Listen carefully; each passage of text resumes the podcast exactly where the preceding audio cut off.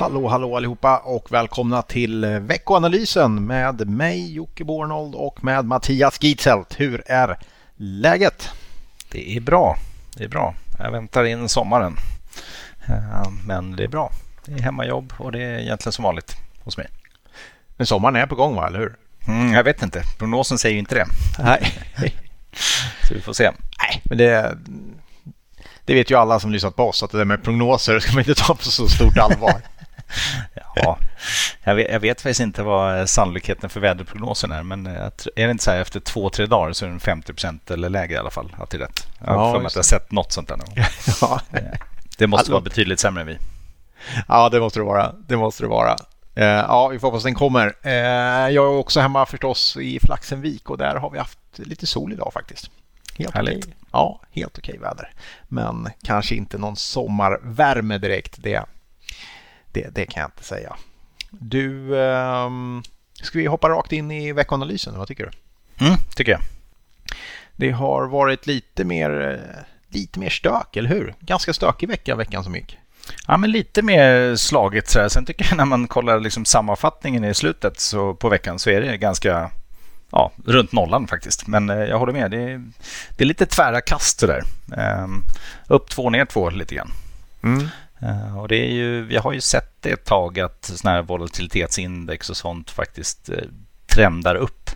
Um, det har det ju gjort ett tag. Och det, känns underliggande som att det ska, ja, det ska vara lite större svängningar. Och det är väl också det vi pratade om sist. Att det, begränsat med kanske direkta nyheter, oroligt. Vi hade ju Fed-protokoll här. Just ja, det. är oroligt. Man ser att inflationen faktiskt tilltar. Eh, nu har man ingen rapportsäsong på gång. Eh, man vet inte, vaccinationen går framåt men det kan ändå finnas lite oro från någon mutation från Indien eller liknande. Så det, ja, det finns en liten oro och då är det lätt att trycka på säljknappen och ta hem lite vinster. Tänker jag. Mm. Ganska naturligt när alla förväntar sig att allt är på väg uppåt eh, och på rätt väg så är det klart att så fort det väcker lite frågor.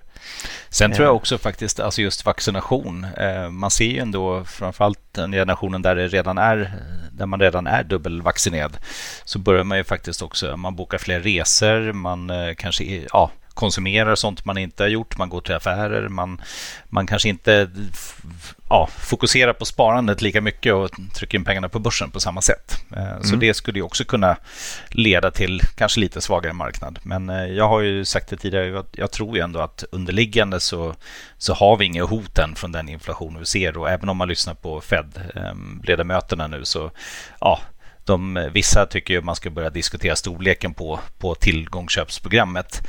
Men eh, just nu så ja, fullt stödjande med stimulanser och eh, att det är ja, lite för tidigt egentligen med, med nedtrappning då av de här stimulanserna, att det kanske kommer senare mot årsskiftet. Så jag känner mig egentligen inte så orolig än. Men vi Nej. får se. När tror du, eh, om man nu tänker sig att den här inflationen är tillfällig, när bör man se att den börjar falla tillbaka? Ja, alltså den kommer ju plana ut mot hösten i så fall, men ännu mer kanske nästa vår så kommer det ju vara tydligt att det men ja, jag skulle säga hösten kommer man ju se det redan. Att nu, nu är ju eh, baseffekterna från förra årets nedgång där i, i mars-april, det är ju det vi ser just nu när det, ja. liksom allting föll ihop så att säga. Um, och sen är ju frågan då, är det bara den, om man rensar bort den baseffekten, ja då kan det ju vara att det är lite trångt nu med vissa flaskhalsar som finns och att, att det ja, finns prishöjningar just nu. Och det är ju de, där man vill se skillnaden. Vad är egentligen bara procentuella förändringen sen botten och vad är faktiskt nya, eh, kanske flaskhalsar eller vad är framförallt ny efterfrågan.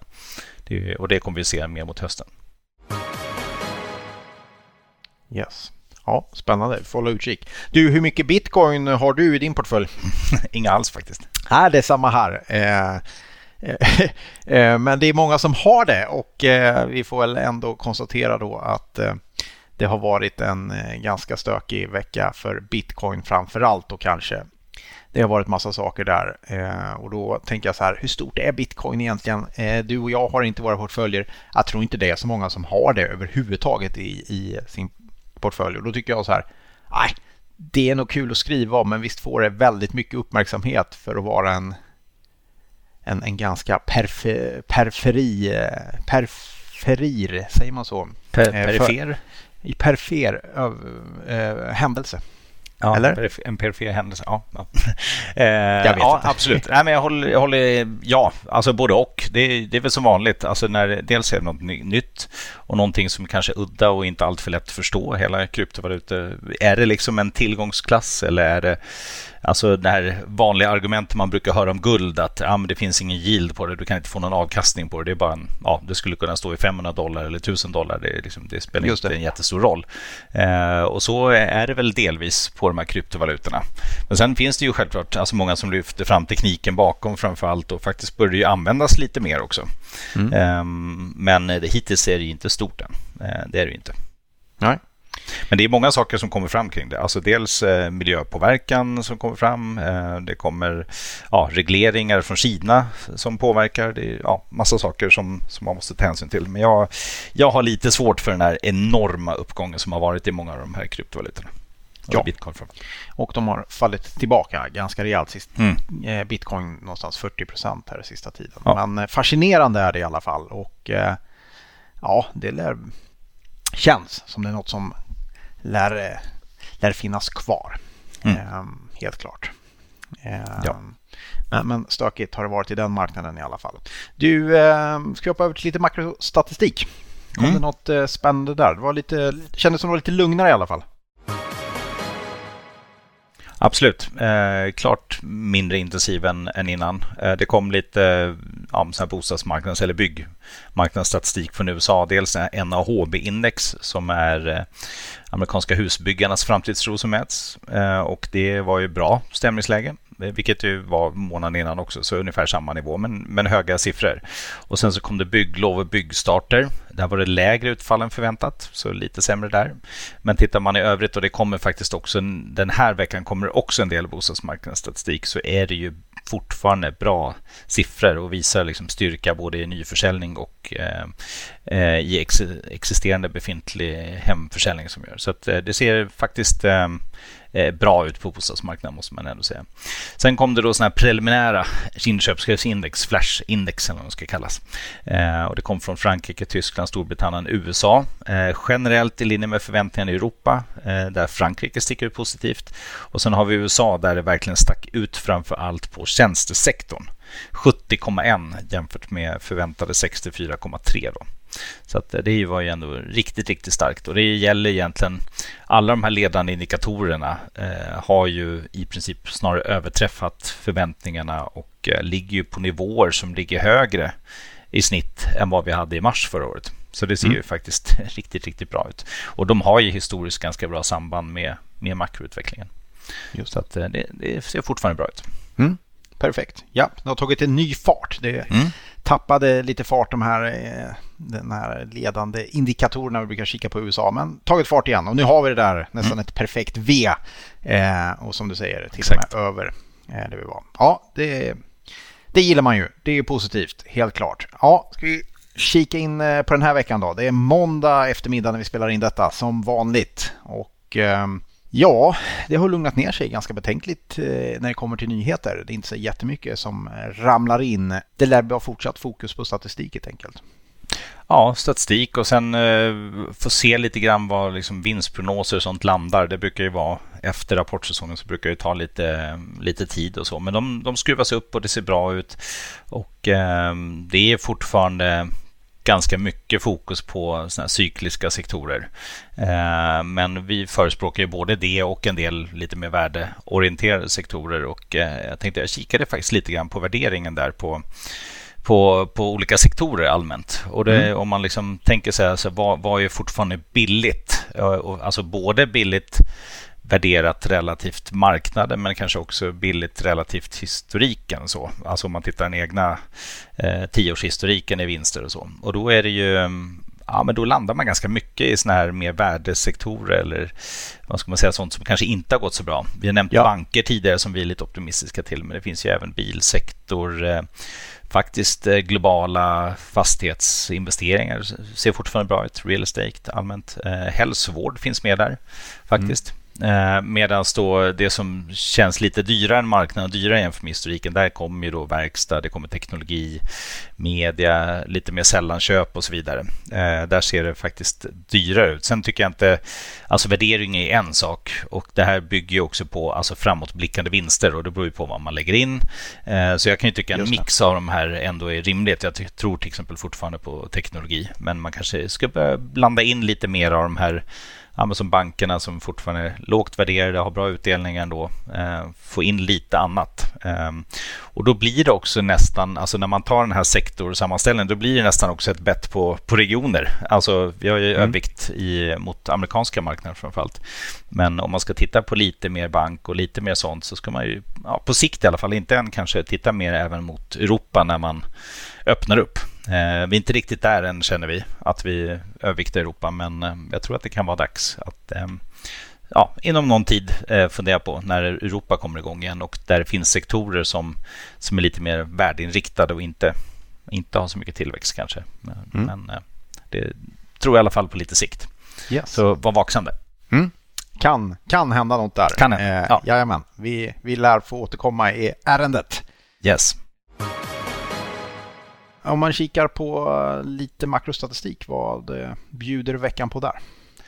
Ja, men vi har ju dels den här eh, eh, Chicago-index som är sån här, ja, men regional eh, aktivitetsindex. Eh, väntas stiga och eh, ligger ju på hög nivå. Eh, och sen så har vi tyska IFO-index.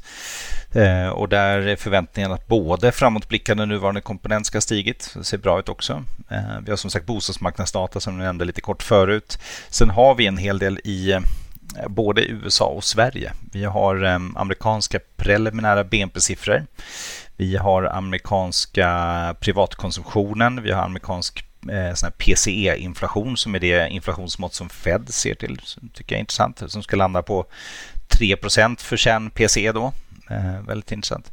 Och sen har vi då i Sverige så har vi bland annat konjunkturbarometer och KI-barometer. Um, och um, ja, vad, vad, har vi mer? Vi har också preliminära BNP-siffror faktiskt för årets första kvartal och mm. detaljhandel. Så ja, otroligt mycket faktiskt när jag ändå tittar så. Det finns hur mycket som helst att gotta sig i. Ja. Faktiskt. Så ja, det, och det är faktiskt många av de här är ju, har ju bra samband med börs. Ja, men som till exempel svensk KI-barometer har ju såna jättebra samband med, med börsutvecklingen i Sverige. Um, så det, det, blir spännande. Mm. Kollar man på börs och bolagshändelser så eh, har det ju lugnat ner sig betänkligt. Men eh, någonting som jag ska göra i alla fall är att kolla in på lite kapitalmarknadsdagar. Eh, där har vi Assa Abloy på onsdag och Atlas Copco på torsdag. Det tänkte jag roa mig med faktiskt och lyssna lite grann.